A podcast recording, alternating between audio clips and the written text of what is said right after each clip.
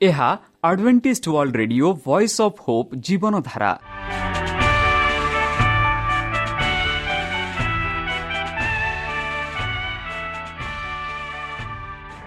Odia radio କାର୍ଯ୍ୟକ୍ରମ ଯାହା ଆମର ଆନ୍ତର୍ଜାତୀୟ ଆଘାତ କେନ୍ଦ୍ରରୁ ପ୍ରସାରଣ କରାଯାଉଛି ପ୍ରତିଦିନ ରାତି ନଅଟା ତିରିଶ ମିନିଟ୍ରେ। ମୁଁ ସୁବ୍ରତ କୁମାର ପତି ପ୍ରେମର ସହ ଆପଣମାନଙ୍କୁ ଏହି କାର୍ଯ୍ୟକ୍ରମକୁ ସ୍ୱାଗତ କରୁଅଛି।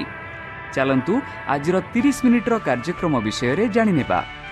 ପ୍ରଥମେ ରଖିଛୁ ଆଧ୍ୟାତ୍ମିକ ଭକ୍ତିମୟ ଗୀତ। ଏହାପରେ ଶୁଣିବା ସ୍ୱାସ୍ଥ୍ୟ ବିଷୟରେ ଯାହା ଆମର ଦୈନିକ ଜୀବନରେ ଅତ୍ୟନ୍ତ ଜରୁରୀ। ଆଉ ପରିଶେଷରେ ଶୁଣିବା ପରମେଶ୍ୱରଙ୍କ ଭକ୍ତଙ୍କଠାରୁ ଜୀବନଦାୟକ ଈଶ୍ୱରଙ୍କ ବାକ୍ୟ। ପ୍ରିୟ ଶ୍ରୋତା ତାହେଲେ ଚାଲନ୍ତୁ ଶୁଣିବା ଏକ ଆଧ୍ୟାତ୍ମିକ ଭକ୍ତିମୟ ଗୀତ।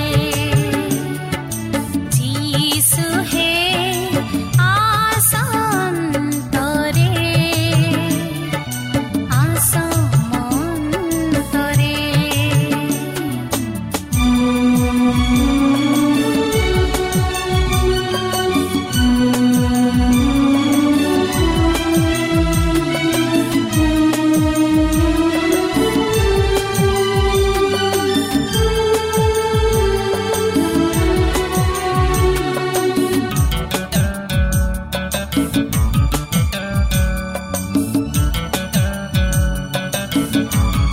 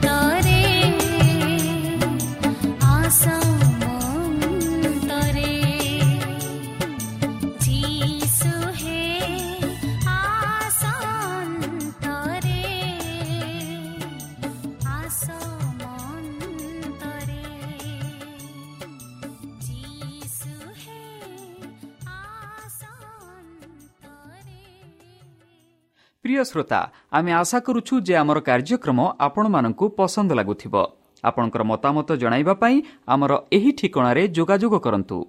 ଆମ ଠିକଣା Adventist media centre SDA mission compound Salisbury park Pune ଚାରି ଏକ ଏକ ଶୂନ ତିନି ସାତ ମହାରାଷ୍ଟ୍ର।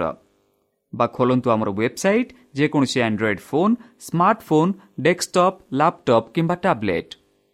ଆମର website dot A W R dot O R G slash O R I ଏବଂ W W W dot Adventist media centre India dot O R G ବର୍ତ୍ତମାନ ଚାଲନ୍ତୁ ଶୁଣିବା ଈଶ୍ୱରଙ୍କ ଭକ୍ତଙ୍କଠାରୁ ଈଶ୍ୱରଙ୍କ ଜୀବନଦାୟକ ବାକ୍ୟ। ନମସ୍କାର ପ୍ରିୟ ଶ୍ରୋତା।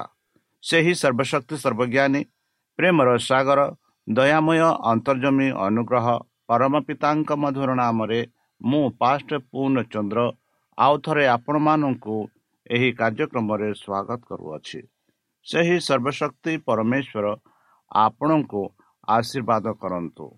ଆପଣଙ୍କୁ ସମସ୍ତ ପ୍ରକାର ଦୁଃଖ କଷ୍ଟ ବାଧା କ୍ଲେଶ ଓ ରୋଗରୁ ଦୂରେଇ ରଖନ୍ତୁ। ଶତ୍ରୁ ସୈତାନ ହସ୍ତରୁ ସେ ଆପଣଙ୍କୁ ସୁରକ୍ଷାରେ ରଖନ୍ତୁ। ତାହାଙ୍କ ପ୍ରେମ ତାହାଙ୍କ ସ୍ନେହ ତାହାଙ୍କ କୃପା ତାହାଙ୍କ ଅନୁଗ୍ରହ ସଦାସର୍ବଦା ଆପଣଙ୍କଠାରେ ସହବର୍ତ୍ତୀ ରହୁ। ପ୍ରିୟସତା ଚାଲନ୍ତୁ ଆଜି ଆମ୍ଭେମାନେ କିଛି ସମୟ ପବିତ୍ର ଶାସ୍ତ୍ର ବାଇବଲଠୁ ତାହାଙ୍କ ଜୀବନଦାୟକ ବାକ୍ୟ ଧ୍ୟାନ କରିବା। ଆଜିର ଆଲୋଚନା ହେଉଛି ଆପଣଙ୍କ ମନର ରାଜତନ୍ତ୍ର। ବନ୍ଧୁ ଆମମାନେ ସମସ୍ତେ ଏହି ପୃଥିବୀରେ ବାସ କରୁଛେ। ଆଉ ପ୍ରତ୍ୟେକ ମଣିଷର ଏକ ସ୍ୱାଧୀନ ଚିନ୍ତାଧାରା ଏକ ସ୍ୱାଧୀନ ରହିବାର ଆଧାର ଅଛି। ଆଜି ବିଶେଷ ଭାବରେ ଆମ ମନର ରାଜତନ୍ତ୍ର ବିଷୟରେ ଆଲୋଚନା କରିବା। ଯେପରି କଲସୀୟ ତିନି ପନ୍ଦରରେ କହୁଛି ଈଶ୍ୱରଙ୍କ ଶାନ୍ତି ଆପଣଙ୍କ ହୃଦୟରେ ଥାଉ। ଈଶ୍ୱରଙ୍କ ଶାନ୍ତି ଆପଣ ହୃଦୟକୁ ଶାସନ କରୁ। ଯାହାକି ତୁମ ଶରୀର ତୁମ ମନ ଆଉ ତୁମ ଆତ୍ମାରେ ନିୟନ୍ତ୍ରଣ ନିୟନ୍ତ୍ରଣ କରି ରଖିପାରିବ। ଆଉ ଏଥିଯୋଗୁଁ ଧନ୍ୟବାଦରେ ରୁହ ବୋଲି କହୁଅଛି। ବନ୍ଧୁ ଈଶ୍ୱରଙ୍କ ବାର୍ତ୍ତା ପ୍ରଦାନ କରେ। ଆମେ କେବଳ ପ୍ରଭୁଙ୍କୁ ବ୍ରହ୍ମାଣ୍ଡର ମହାନ ରାଜା ଭାବରେ ପୂଜା କରିବା ନୁହେଁ ବରଂ ବୁଝିବାକୁ ଚାହୁଁଛୁ ଯେ ସେ ବ୍ରହ୍ମାଣ୍ଡର ରାଜା ହେଉଛନ୍ତି। ଆମ ମନର ରାଜା ହେବା ଉଚିତ ଏଥିରେ ସିଂହାସନ ହେବା ଉଚିତ। ସେ ଯିଏ ଆମକୁ ସୃଷ୍ଟି କରିଥିଲେ ଆମ୍ଭର ସେହି ଆକାରକୁ ଦୃଷ୍ଟିରେ ରଖି ଆମକୁ ସୃଷ୍ଟି କରିଥିଲେ ସେ ସୃଷ୍ଟି କରିଥିବା ପ୍ରତ୍ୟେକ ଜୀବ ସେ ଦତ୍ତ ନିଅନ୍ତି ଅନନ୍ତ ଯୁଗର ଏହା ଈଶ୍ୱରଙ୍କ ଉଦ୍ଦେଶ୍ୟ ଥିଲା ଯେ ପ୍ରତ୍ୟେକ ସୃଷ୍ଟି ହୋଇଥିବା ପ୍ରାଣୀ ଉଜ୍ଜଳ ଏବଂ ପବିତ୍ର ସେରାଫିମ୍ ମନୁଷ୍ୟ ପର୍ଯ୍ୟନ୍ତ ସୃଷ୍ଟିକର୍ତ୍ତାଙ୍କ ବାସସ୍ଥାନ ପାଇଁ ଏକ ମନ୍ଦିର ହେବା ଉଚିତ। ବନ୍ଧୁ ବ୍ରହ୍ମାଣ୍ଡର ଈଶ୍ୱର ଯିଏ ପ୍ରତ୍ୟେକ ବୁଦ୍ଧିର ରାଜା ଏବଂ ଆପଣଙ୍କ ଶରୀର ପ୍ରତ୍ୟେକ କୋଷର ପ୍ରତ୍ୟେକ ପରମାନୁର ରାଜା ଯଦି ଆପଣ ଏହାକୁ ଯତ୍ନର ସହିତ ଅଧ୍ୟୟନ କରନ୍ତି ତେବେ ଆପଣ ଏକ କୋଠରୀ ଭିତରେ ଜାଣନ୍ତି ଯେ ଶାସକ ସରକାର ଅଛି ଏବଂ ସେହି ସରକାରର ବ୍ରହ୍ମାଣ୍ଡର ରାଜା ହେଉଛନ୍ତି ସେହି ତ୍ରାଣକର୍ତ୍ତା। ଆଉ ସେହି ତ୍ରାଣକର୍ତ୍ତା ଦ୍ୱାରା ଏହି ବ୍ରହ୍ମାଣ୍ଡ ପରିଚାଳିତ ହେଉଅଛି। ଯେତେବେଳେ ଆମେ ଏହି ମହାନ ଈଶ୍ୱରଙ୍କୁ ବୁଝିବାକୁ ଚେଷ୍ଟା କରୁ ବନ୍ଧୁ ଏହା ସମସ୍ତ ମାନବ ବୁଝାମଣାରୁ ଅସ୍ୱୀକାର କରେ। ତଥାପି ଏହା ଏକ ବାସ୍ତବତା ଯାହା ଅନୁଭବ ହୋଇପାରିବ ଏବଂ ତାକୁ ଆପଣ ମନର ରାଜା ଭାବରେ ପାଇବା ଏକ ବଡ଼ ସୌଭାଗ୍ୟ ଥିବ। ଏହା ଈଶ୍ୱରଙ୍କ ଆକାର ଥିଲା ଯେ ଏହା ହେଉଛି ଏବଂ ସ୍ୱର୍ଗ ଏବଂ ବ୍ରହ୍ମାଣ୍ଡର ଆୟୋଜକମାନେ ଆନନ୍ଦରେ ସେହି ରାଜାଙ୍କ ଅଧୀନରେ ଅଛନ୍ତି। କିନ୍ତୁ ସେଠାରେ ଗୋଟିଏ ଗାତ ଦାଗ ଅଛି। ବନ୍ଧୁ ଯେତେବେଳେ ଏହି ପୃଥିବୀ ଖ୍ରୀଷ୍ଟଙ୍କ ଦ୍ୱାରା ସୃଷ୍ଟି ହୋଇଥିଲା ଏହା ପବିତ୍ର ଏବଂ ସୁନ୍ଦର ଥିଲା। ଈଶ୍ୱର ଏହାକୁ ବହୁତ ଭଲ ପାଇଥିଲେ। ବୋଲି ଘୋଷଣା କଲେ ବୋଲି ଆମେ ଆଦି ପୁସ୍ତକରେ ପାଉଛୁ ପ୍ରତ୍ୟେକ ଫୁଲ ପ୍ରତ୍ୟେକ ଗଛରେ ପ୍ରତ୍ୟେକ ସାର ଏହାର ସୃଷ୍ଟିକର୍ତ୍ତାଙ୍କ ଉଦ୍ଦେଶ୍ୟର ଉତ୍ତର ଦେଉଥିଲା। ଯେଉଁ ସବୁକିଛି ଉପରେ ଆଖି ବିଶ୍ରାମ ନେଇଥିଲା ତାହା ସୁନ୍ଦର ଥିଲା ଏବଂ ସୃଷ୍ଟିକର୍ତ୍ତାଙ୍କ ପ୍ରତି ପ୍ରେମର ଚିନ୍ତାଧାରାର ମନକୁ ପରିପୂର୍ଣ୍ଣ କଲା। ପ୍ରତ୍ୟେକ ଧ୍ୱନି ସଙ୍ଗୀତ ଥିଲା। ଈଶ୍ୱରଙ୍କ ସ୍ୱର ସହିତ ସମ୍ପୂର୍ଣ୍ଣ ସମନ୍ୱୟ ଥିଲା ବନ୍ଧୁ। କିନ୍ତୁ ଏକ ପରିବର୍ତ୍ତନ ଆସିଛି ବନ୍ଧୁ ପାପ କ୍ଷୟ ବିକୃତି ଏବଂ ମୃତ୍ୟୁ ଆଣିଛି ବନ୍ଧୁ। ଆଜି ସମଗ୍ର ବିଶ୍ୱ କଲଙ୍କିତ ଭ୍ରଷ୍ଟ ଏକ ମାନଦଣ୍ଡ ମରଣ ମରଣାନ୍ତ ରୋଗରେ ପୀଡ଼ିତ। ଏହାର ଅଧିବାସୀଙ୍କ କ୍ରମାଗତ ଅପରାଧ ଅଧୀନରେ ପୃଥିବୀ କ୍ରନ୍ଧନ କରେ। ବନ୍ଧୁ ମଣିଷ ଅବନତି ହୋଇଛି। ଗୋଟିଏ ପରେ ଗୋଟିଏ ସେମାନେ ଅଭିଶାପ ତଳେ ପଡ଼ନ୍ତି। କାରଣ ପାପ ଦୁନିଆର ପ୍ରବେଶ କରିଛି ଏବଂ ପାପ ଦ୍ୱାରା ମୃତ୍ୟୁ ଘଟୁଅଛି। ଅଭ୍ୟାସ ଦ୍ୱାରା ସତ୍ୟକୁ ମୂଲ୍ୟବାନ କରାଯାଏ ନାହିଁ ଏହା ଆତ୍ମାକୁ ପବିତ୍ର କରେ ନାହିଁ। ଏହା ମନରୁ ମନରୁ ଫିଙ୍କା ପଡ଼ିଯାଏ କାରଣ ହୃଦୟ ଏହାର ମୂଲ୍ୟକୁ ପ୍ରଶଂସା କରେ ନାହିଁ ବନ୍ଧୁ। ପରିମାଣ ସ୍ୱରୂପ ଆଦବଙ୍କ ପାପକୁ ସ୍ଥାୟୀ କରିବା ହେତୁ ମ୍ୟାଲେରିଆ ବାୟୁମଣ୍ଡଳ ଦ୍ୱାରା ମନ ଅଧିକ ଅଧିକରୁ ଅଧିକ ଅନ୍ଧକାର ହୋଇଯାଇଛି। ବିବେକ ଏହାର ସମ୍ବେଦନଶୀଳତା ହରାଇଅଛି। ପାପର ପୁନର୍ବୃତ୍ତି ମାଧ୍ୟମରେ ପାପ ଦ୍ୱାରା ବିବେକ ଉପରେ ଦିଆଯାଇଥିବା ଭାବନା ଆଉ ଅତିକ୍ରମକାରୀ ରୋଗଗ୍ରସ୍ତ ଭ୍ରଷ୍ଟ ଏବଂ ମୃତ୍ୟୁକୁ ଗିରଫ କରିବାକୁ ଯଥେଷ୍ଟ ବାଧ୍ୟ କରିନାହିଁ। ସ୍ୱର ଆଉ ଈଶ୍ୱରଙ୍କ ସ୍ୱରକୁ ପ୍ରତିଧ୍ୱନିତ କରେ ନାହିଁ କିମ୍ବା ସତ୍ୟ ମାଧ୍ୟମରେ ସଂଯୁକ୍ତ ଆତ୍ମାର ସଙ୍ଗୀତକୁ ଅଭିବ୍ୟକ୍ତି ଦେଇଥାଏ। ବନ୍ଧୁ ହୃଦୟ ଯେଉଁଥିରେ ଈଶ୍ୱରଙ୍କୁ ଗାଦି ତୃତ୍ୱ କରିଥାଏ କରିବା ଉଚିତ ଏହା ଏକ ସ୍ଥାନ ଯେଉଁଠାରେ ସମସ୍ତ ପ୍ରକାର ଘୂର୍ଣ୍ଣ ସ୍ଥାନ ଆସିଅଛି। ସୁଗ୍ନ ସୁନା କିପରି କ୍ଷୀଣ ହୋଇଛି ବନ୍ଧୁ ମନୁଷ୍ୟ ଈଶ୍ୱରଙ୍କ ଚରିତ୍ର ପ୍ରତିଫଳିତ ହରାଇଅଛି। ବନ୍ଧୁ ଆମ ଜୀବନରେ ଏହି ଗ୍ରହରେ ଆମେ ପ୍ରତାରିତ ହୋଇଥାଉ। ଯଦି ଆମେ ଭାବୁଛୁ ଯେ ଏହା ସବୁ ବହୁତ ଭଲ ଏହି ଘୋଷଣା ଅନୁଯାୟୀ ଏହା ଭୟଙ୍କର ଭାବରେ କ୍ଷତିଗ୍ରସ୍ତ ହୋଇଛି। ଆମର ମନ ଅଧିକରୁ ଅଧିକ ଅନ୍ଧକାର ହୋଇଅଛି ବନ୍ଧୁ। ତୁମେ ଏବଂ ମୁଁ ବହୁତ ଅନ୍ଧକାରର ମାନସିକତା ସମୟରେ ଯତ୍ନ ଜନ୍ମ ହୋଇଅଛୁ। ସାଧାରଣ ଅତ୍ୟଧିକ ଅବନୀତି ହୋଇଥିବାରୁ ମୁଁ ଯାହା ଆଶା କରି ବଡ଼ ହୋଇଛି ତାହା ମୋତେ ଏହା ସହିତ ବୁଝାମଣା କରିବାକୁ ପଡ଼ିଲା। ଈଶ୍ୱରଙ୍କ ବାକ୍ୟ ଯାହା କହୁଛି ଏବଂ ଏହା କ'ଣ ଥିଲା ମୁଁ ଯେ ଏବେ ନିକଟରେ ହୁଏ ଆମେ ଉନ୍ନତ ଜାତି ନୁହଁ। ଆମେ ଜ୍ଞାନ ପ୍ରଯୁକ୍ତି ଦିବ୍ୟ ଏବଂ ଜୀବନର ଆରାମରେ ଉନ୍ନତ ହୋଇପାରିବା କିନ୍ତୁ ଆମେ ଅଧ୍ୟାତ୍ମିକ ମରିଯାଉଛୁ। ଡାକ୍ତରଖାନାକୁ ଯାଉଛୁ। ଏହା ଅସ୍ତୁତ ଡାକ୍ତରଖାନାର ଲୋକମାନେ ଡାକ୍ତରଖାନା ବାହାରେ ଅସ୍ତୁତ ଲୋକଙ୍କ ମଧ୍ୟରୁ କେବଳ ଏକ ଛୋଟ ଅଂଶ। ଯେତେବେଳେ ମୁଁ ଜଣେ ନର୍ସ ଭାବରେ ତାଲିମ ନେଇଥିଲି ବନ୍ଧୁ ମୁଁ ବଞ୍ଚିବାକୁ ଚାହୁଁଥିଲି କାରଣ ମୁଁ ମାନବ ଜାତିର ଗଭୀର ଅସୁସ୍ଥତା ଦେଖିଥିଲି ଏବଂ ସବୁଠାରୁ ଖରାପ ମାନସିକ ଈଶ୍ୱରଙ୍କର ଉଦ୍ଦେଶ୍ୟ ବିଫଳ ହେବ ନାହିଁ ବନ୍ଧୁ। ଯେହେତୁ ଯାତ୍ରା ପୁସ୍ତକ ପଚିଶ ଆଠରେ ଆମେ ପାଉଛୁ ଯେ ସେମାନେ ଆମ ନିମନ୍ତେ ଗୋଟିଏ ପବିତ୍ର ସ୍ଥାନ ନିର୍ମାଣ କରନ୍ତୁ ତହିଁରେ ଆମେ ସେମାନଙ୍କ ମଧ୍ୟରେ ବାସ କରିବା। ଏହିପରି ସଦା ପ୍ରଭୁ ପରମେଶ୍ୱର ମୋ ତାଙ୍କ ଦାସଙ୍କ ଦ୍ୱାରା କଥା କହିଥିଲେ କି ସେହି ଇସ୍ରାଏଲ ପ୍ରଜାମାନଙ୍କ ପାଇଁ ଯେପରି ଯେପରିକି ସେ ପରମେଶ୍ୱର ତାଙ୍କ ସହ ବାସ କରିବେ ଏଥିଯୋଗୁଁ ସେ କହିଲେ ସେମାନେ ଆମ ନିମନ୍ତେ ଗୋଟିଏ ପବିତ୍ର ସ୍ଥାନ ନିର୍ମାଣ କରନ୍ତୁ ତହିଁରେ ଆମ୍ଭେ ସେମାନଙ୍କ ମଧ୍ୟରେ ବାସ କରିବା। ଏହି ଭ୍ରଷ୍ଟ ମଣିଷ ଇସ୍ରାଏଲୀ ମାନେ ଯାହା ଦାସତ୍ୱ ଦ୍ୱାରା ବିକୃତ ଲଜ୍ଜିତ ବନ୍ଧିରୁ ବାହାରି ଆସିଥିଲେ ସେ କହିଥିଲେ ମୁଁ ସେମାନଙ୍କ ମଧ୍ୟରେ ରହିବାକୁ ଚାହୁଁଛି। ଆମେ ସମସ୍ତେ ଆମ ଆରାମ ଅତିଥିର ଲାଲ ପାଲାନ ପାଲନ ପାଇଁ ଦାସ। ଯଦିଓ ଏହି ଭୟଙ୍କର ଅନ୍ଧକାର ଅଛି ଈଶ୍ୱରଙ୍କ ଈଶ୍ୱର କହୁଛନ୍ତି ମୁଁ କିଛି ମନେ କରେ ନାହିଁ। ବନ୍ଧୁ ଈଶ୍ୱରଙ୍କୁ ଏକ ସ୍ଥିତିରେ ରଖିଥାଏ ଯେଉଁଠାରେ ଆମେ ଭାବୁଛୁ ଯେ ସେ ପାପୀମାନଙ୍କ ସହିତ ଆସିବା ଏବଂ ବାସ କରିବା ପାଇଁ ବହୁତ ପବିତ୍ର।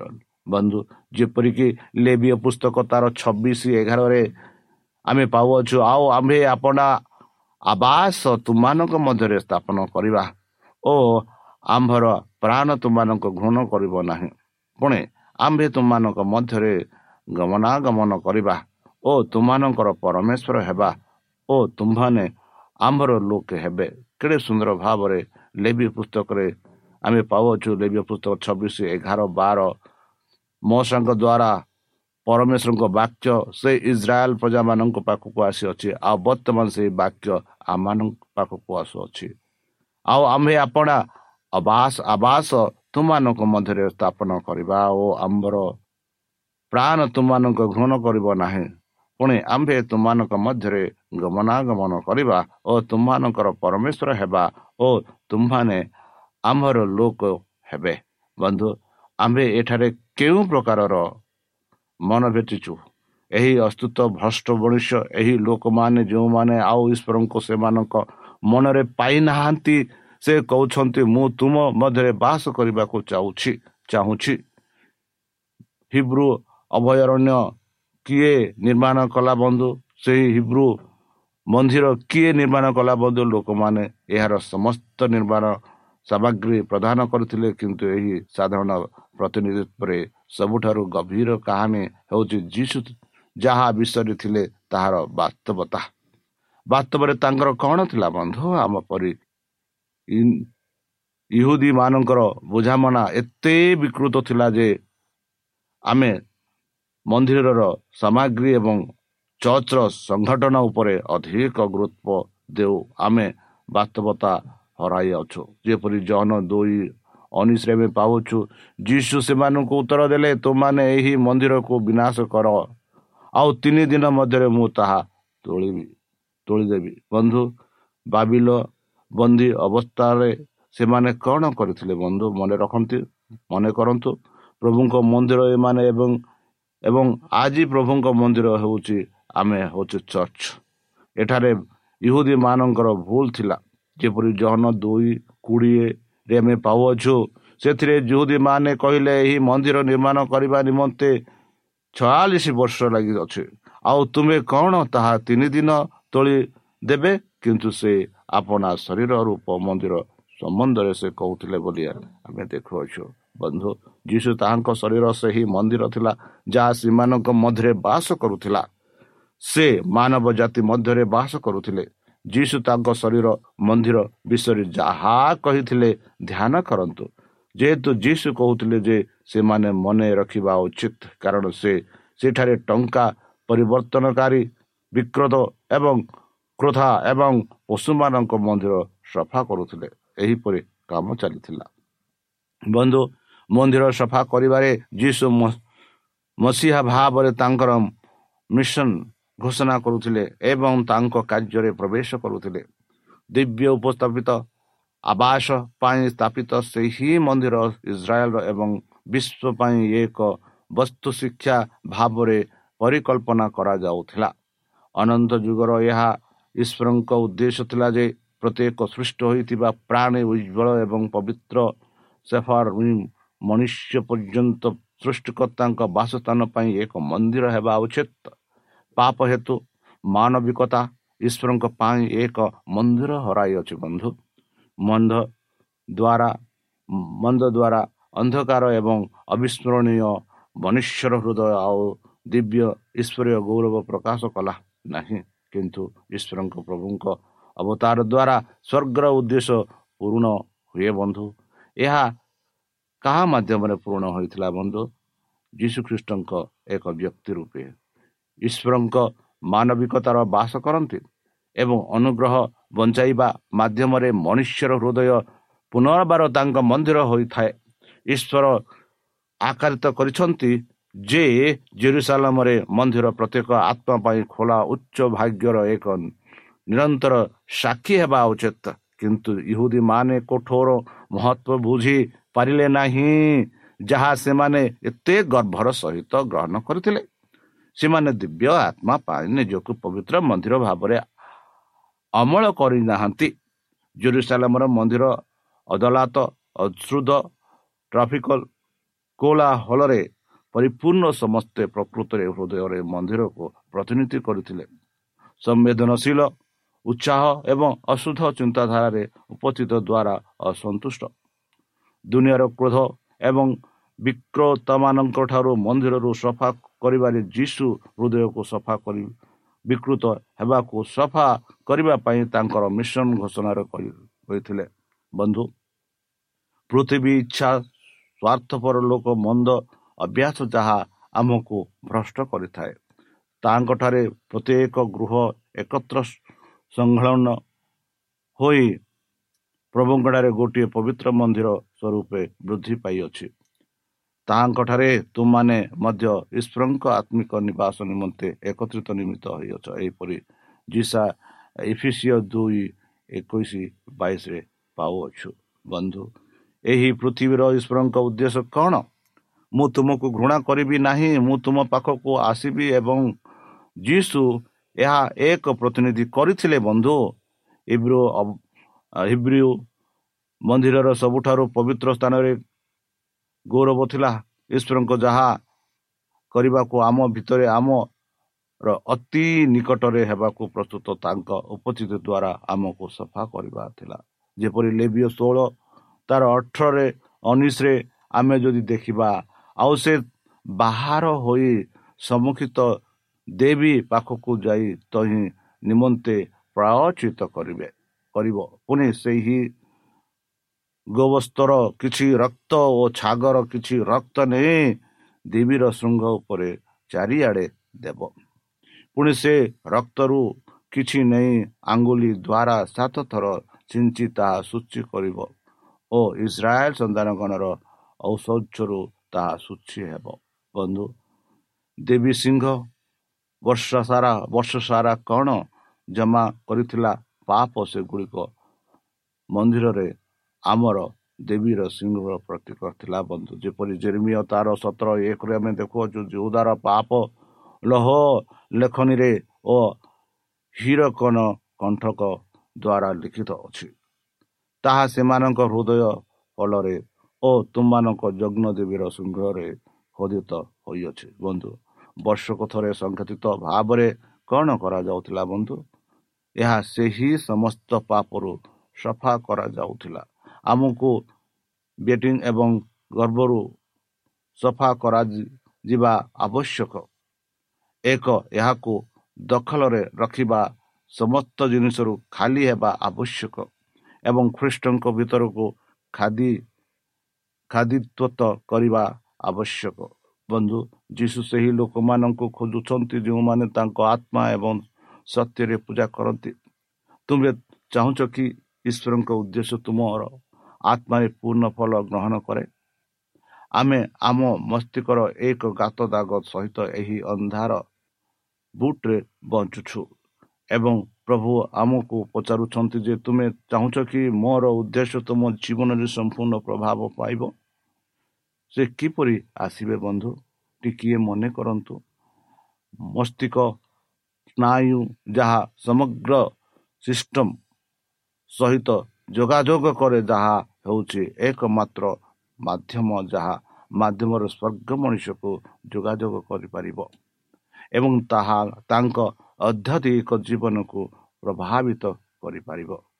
ବନ୍ଧୁ ମସ୍ତିଷ୍କ ସ୍ନାୟୁକୁ ଯତ୍ନର ସହିତ ଯତ୍ନ ନେବାକୁ ପଡ଼ିବ ଯାହା ଦ୍ୱାରା ଈଶ୍ୱରଙ୍କ ଆମ ଭିତରକୁ ଆସିପାରିବେ ବା ଈଶ୍ୱର ଆମ ଭିତରକୁ ଆସିପାରିବେ ପବିତ୍ର ଆତ୍ମା ଆମକୁ ଏକ ବୈଦ୍ୟୁତିକ ଆଘାତ ଦେଖାଇବେ ଦେଇପାରେ ଏବଂ ସମଗ୍ର ବ୍ୟସ୍ତ ବ୍ୟବସ୍ଥା ପୁନଃ ସଜାଇବ ବନ୍ଧୁ ପରମେଶ୍ୱର ଆମମାନଙ୍କୁ ଏତେ ପରି ଏତେ ପ୍ରେମ କରୁଛନ୍ତି ଆଉ ସମସ୍ତ ପ୍ରକାର ସୁବିଧା ଆମମାନଙ୍କୁ ଯୋଗାଉଛନ୍ତି ଆଉ ସେହି ସୁବିଧା ସେହି ସୁବିଧାକୁ ଯଦି ଆମେ ନିଜକୁ ଗ୍ରହଣ କରି ଈଶ୍ୱରଙ୍କଠାରେ ଆମେ ବିଶ୍ୱାସ କରିବା ତାହେଲେ ନିଶ୍ଚିତ ରୂପେ ପରମେଶ୍ୱର ଆମ ଆମ ପାପ ସବୁ କ୍ଷମା କରିବେ ଆମ ହୃଦୟକୁ ସେ ସଫା କରିବେ ଆମ ମନକୁ ସେ ସଫା କରିବେ ଆଉ ଯେପରିକି ଆମ ମନ ଆମ ଆତ୍ମା ଆମ ଧ୍ୟାନ ଆମ କଥା ଆମ ବାର୍ତ୍ତା ଆମ ଚାଲିଚାଳନ ସବୁ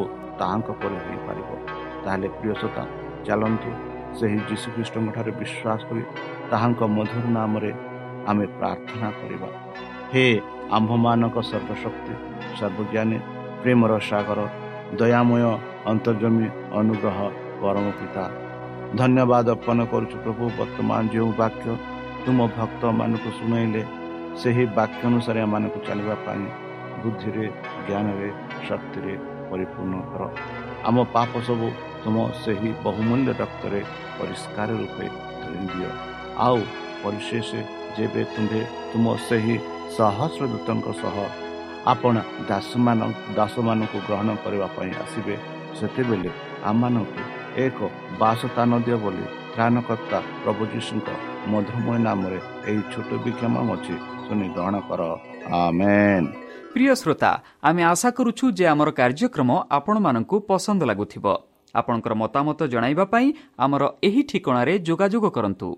ଆମ ଠିକଣା Adventist media centre SDA mission compound Salisbury park Pune ଚାରି ଏକ ଏକ ଶୂନ ତିନି ସାତ ମହାରାଷ୍ଟ୍ର ବା ଖୋଲନ୍ତୁ ଆମର ୱେବସାଇଟ୍ ଯେକୌଣସି android phone smartphone desktop laptop କିମ୍ବା ଟ୍ୟାବ୍ଲେଟ୍ ଆମର website W W W dot A W R dot O R G slash O R I ଏବଂ W W W dot Adventist media centre India dot O R G Adventist media centre ଇଣ୍ଡିଆର spelling ହେଉଛି A D V N T I S T M E D I A C N T R E I N D I A ଅଥବା download କରନ୍ତୁ ଆମର mobile app ଆପଣଙ୍କର mobile play ଷ୍ଟୋରକୁ ଯାଆନ୍ତୁ ଆଉ type କରନ୍ତୁ ଦ ଭଏସ୍ ଅଫ୍ ପୋପ୍ ଆଉ download କରନ୍ତୁ। ଈଶ୍ୱର ଆପଣଙ୍କୁ ଆଶୀର୍ବାଦ କରନ୍ତୁ। ଧନ୍ୟବାଦ।